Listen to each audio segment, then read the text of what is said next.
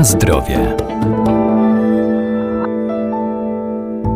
Oleje roślinne wpływają pozytywnie na nasze zdrowie, głównie poprzez obecność w nich wielu substancji aktywnych, bez których organizm ludzki nie mógłby prawidłowo funkcjonować, a których nie jest w stanie samodzielnie wyprodukować, np. kwasy tłuszczowe omega czy witaminy rozpuszczalne w tłuszczach. Coraz większym zainteresowaniem cieszą się oleje mniej powszechne, jak dyniowy, sojowy czy oliwkowy.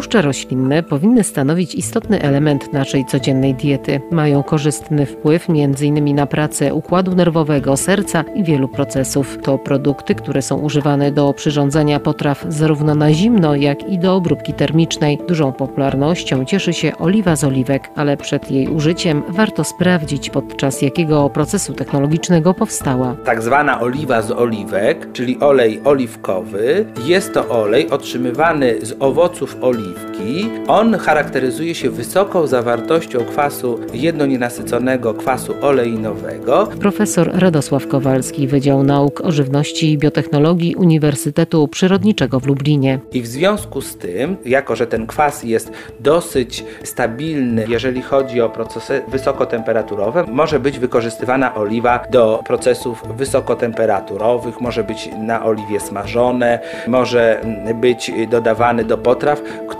są tutaj w wysokiej temperaturze obrabiane. Ale należy zwrócić uwagę, że bardzo często oliwa z oliwek właśnie jest tłuszczem otrzymywanym w wyniku tłoczenia, tak zwana oliwa dziewicza i właśnie ta oliwa zawiera znaczący udział substancji biologicznie aktywnych, które występują w owocu oliwki. Taki tłuszcz raczej jest dedykowany do użytkowania na zimno, czyli na przykład do sałatek, jako dodatek do potraw właśnie, które spożywamy na zimno, a nie do procesu wysokotemperaturowego, ponieważ te wszystkie bardzo ważne, dobroczynne, prozdrowotne składniki ulegają w tej wysokiej temperaturze zniszczeniu. Oliwa z oliwek, która jest y, otrzymywana na drodze ekstrakcji, raczej jest dedykowana do procesów kulinarnych wysokotemperaturowych, ale tutaj istotny jest ten skład właśnie zawartość kwasu jednonienasyconego oleinowego.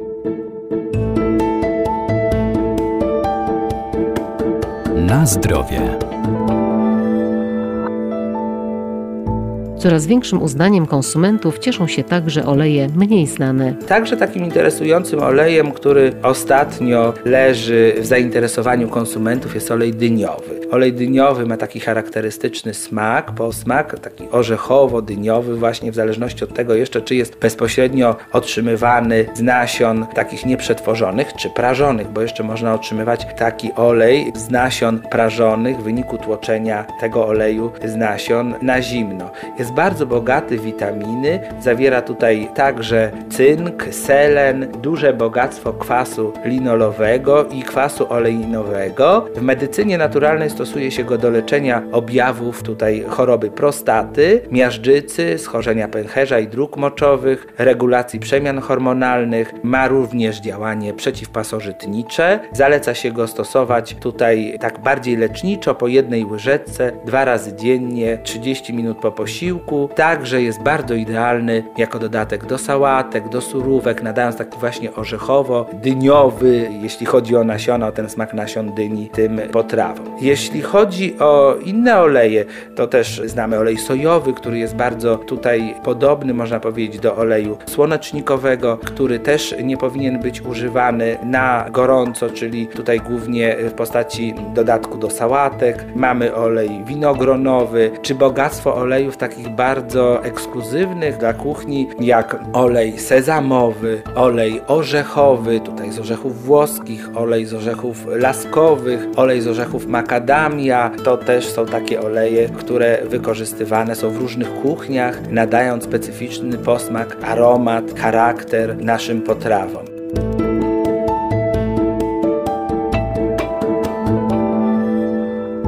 Należy też pamiętać, że podczas wielokrotnego smażenia w tym samym oleju gromadzą się szkodliwe związki, dlatego nie można używać do ponownego smażenia tego samego tłuszczu bez względu na jego rodzaj.